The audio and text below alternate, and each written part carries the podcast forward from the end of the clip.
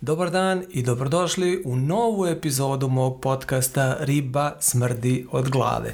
Nastavljamo sa temama koje su jako interesantne, a tiču se prvenstveno naše kompanije, a onda i drugih kompanija. U današnjoj epizodi pričamo o temi loših komentara na raznoraznim platformama i društvenim mrežama. Tu pritome mislim na loše komentare o kompanijama.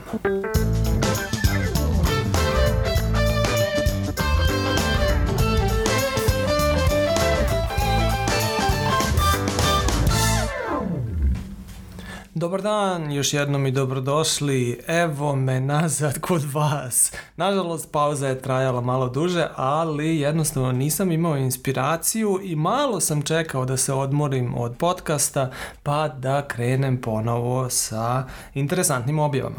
Danas ćemo pričati o tome šta ja mislim o negativnim komentarima o kompanijama na raznim online portalima ili na društvenim mrežama. Ali prvo kao uvod da vam dam par reči o sebi, ja sam Darko Pavić i suvlasnik sam kompanije Fiscal Solutions.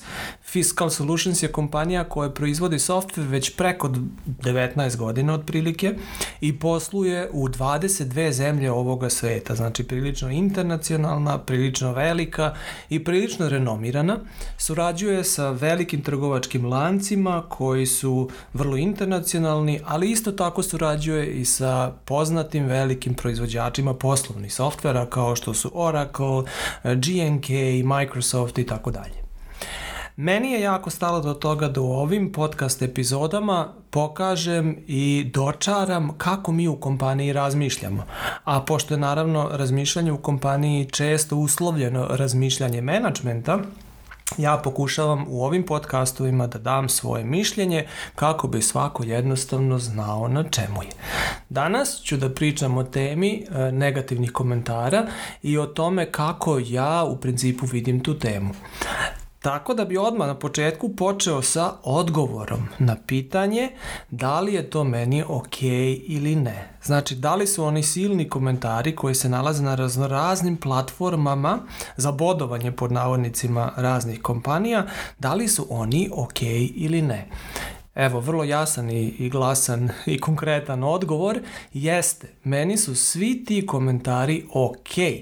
Ja mislim da je sloboda govora jako važan element demokracije i ne treba ga ni na koji način niti cenzurisati, niti ukidati. Time, e, i men, time i ta vrsta komentara, iako su možda nekad negativna, sasvim ok i treba da i bude. Ja čak mislim da je to vrlo pozitivno i poželjno. I čak je nevezano za to da li je sam komentar loš ili dobar. Njegovo postojanje može da se iskoristi u vrlo pozitivne svrhe što mi inače naravno i radimo ja mislim da je jako normalno da jedna kompanija, odnosno njena strategija, njen mentalitet, njena kompanijska kultura i tako dalje, jednostavno ne odgovara svakome, ne sviđa se svakome. A neko u tim kompanijama nažalost i doživi neke negativne stvari. I neke su čak jako, jako negativne. Tako da je apsolutno ok pričati o, o tome, komunicirati svoje događaje i svoje razmišljanje o tim kompanijama ja vidim tu čak dva aspekta koja su vrlo pozitivna za svakog lično ko je doživeo recimo jedno tako negativno iskustvo ili za društvo u kojem se ta kompanija nalazi. Na jednoj strani komunikacija u svakom slučaju pomaže da se to negativno iskustvo koje je radnik doživeo na neki način preradi. A ako je to negativno iskustvo čak prouzrokovalo neke možda čak i mentalne probleme, mislim da komunikacija šta se dogodilo i koja je koja su proživljavanja, tako reći, bila, e, mislim da to čak može pomoći da se taj problem prevaziđi i na neki način čak i reši. Na drugoj strani, mislim da je odlično komunicirati ovakvim situacijama i za čitavo društvo.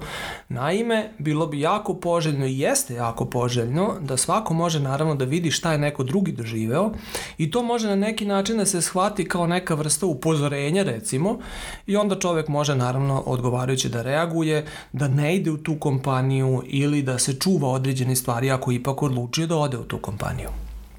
E sad, kad smo ustanovili da su nama, odnosno meni, takvi komentari ok, ajde da popričamo o tome šta ja mislim koje su reakcije jedne kompanije adekvatne u slučaju da kompanija dobije negativne ili čak prilično negativne komentare. Pa ja prvo mislim da svaka kompanija treba da shvati ovakve komentare vrlo ozbiljno. Znači, ne treba ih ignorisati. To je prva stvar koju ja mislim.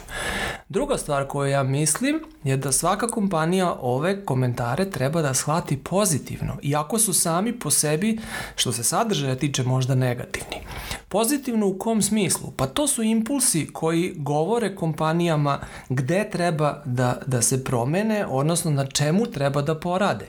Definitivno je dobro kad sa strane dobijete kritiku koja vam onda pomogne da se promenite. Nekad vi jednostavno ne vidite ni sami sebe, ni svoju okolinu, a kamoli kako vas neko doživlja u, oko, u okolini.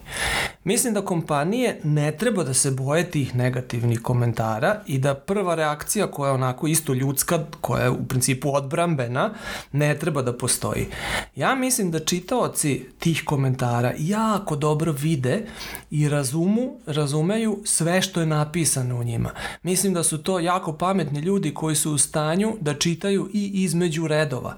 Time što su se uopšte upustili u to da čitaju takvu vrstu komentara, to znači da se oni interesuju za tu kompaniju i to znači da će najverovatnije pogledati i drugi izvore informacija. Mislim da u tom grmu leži zec i da je adekvatna reakcija kompanije da vrlo ozbiljno shvati te komentare, da ih uzme kao impuls i onda na drugoj strani da stvori transparentnost koja će onda ljudima koji se interesuju za vašu kompaniju omogućiti da dođu i do drugih informacija koji onda i pomažu i upotpunjuju sliku vaše kompanije. Znači nije cilj boriti se protiv njih. Cilj je stvoriti transparentnost tako da svako može da ima e, informacije koje misle da mu trebaju da bi stvorio sliku o vašoj kompaniji onda će nekom ta kompanija odgovarati, nekom neće, kao i u, sve u životu. Ali barem će imati mogućnost da iz svih izvora stvori svoju sliku i, i napravi svoje razmišljanje, tako reći, o svemu tome. Znači, komunicirajte e, vaše vrednosti, vašu strategiju na što je više mogućih kanala i načina, što je transparentnije moguće. Koristite alate recimo kao što je ova vrsta podcasta, koristite alate kao što su raznorazni, raznorazni vlogovi i slično, sve u cilju, sa ciljem da se napravi transparentnost u odnosu na to kako vi to razmišljate, kako poslujete, šta radite i e, na kraju, na osnovu svega toga, radnik mora da zna na čemu je jedna jako važna stvar koju bi onako pred kraj ovog podcasta želeo da istaknem, ne bojte se dragi preduzetnici i drage kompanije, nemoguće je biti e, uspešan na tržištu, poslovati dugi niz godina na raznim svetskim tržištima, recimo kao što to radi Fiscal Solutions, raditi sa vodećim svjetskim kompanijama, a na kraju biti loša kompanija. To sigurno nije moguće i svaki čitaoc loše komentara to jako dobro zna.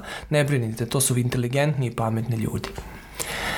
Toliko o mom stavu vezano, vezanom za loše komentare na raznoraznim platformama i online e, portalima. Nadam se da sam uspio malo barem približiti način razmišljanja koje mi imamo u Fiscal Solutionsu što se toga tiče i radovat će me da se družimo uskoro, uskoro i u sljedećoj podcast epizodi. Lep pozdrav!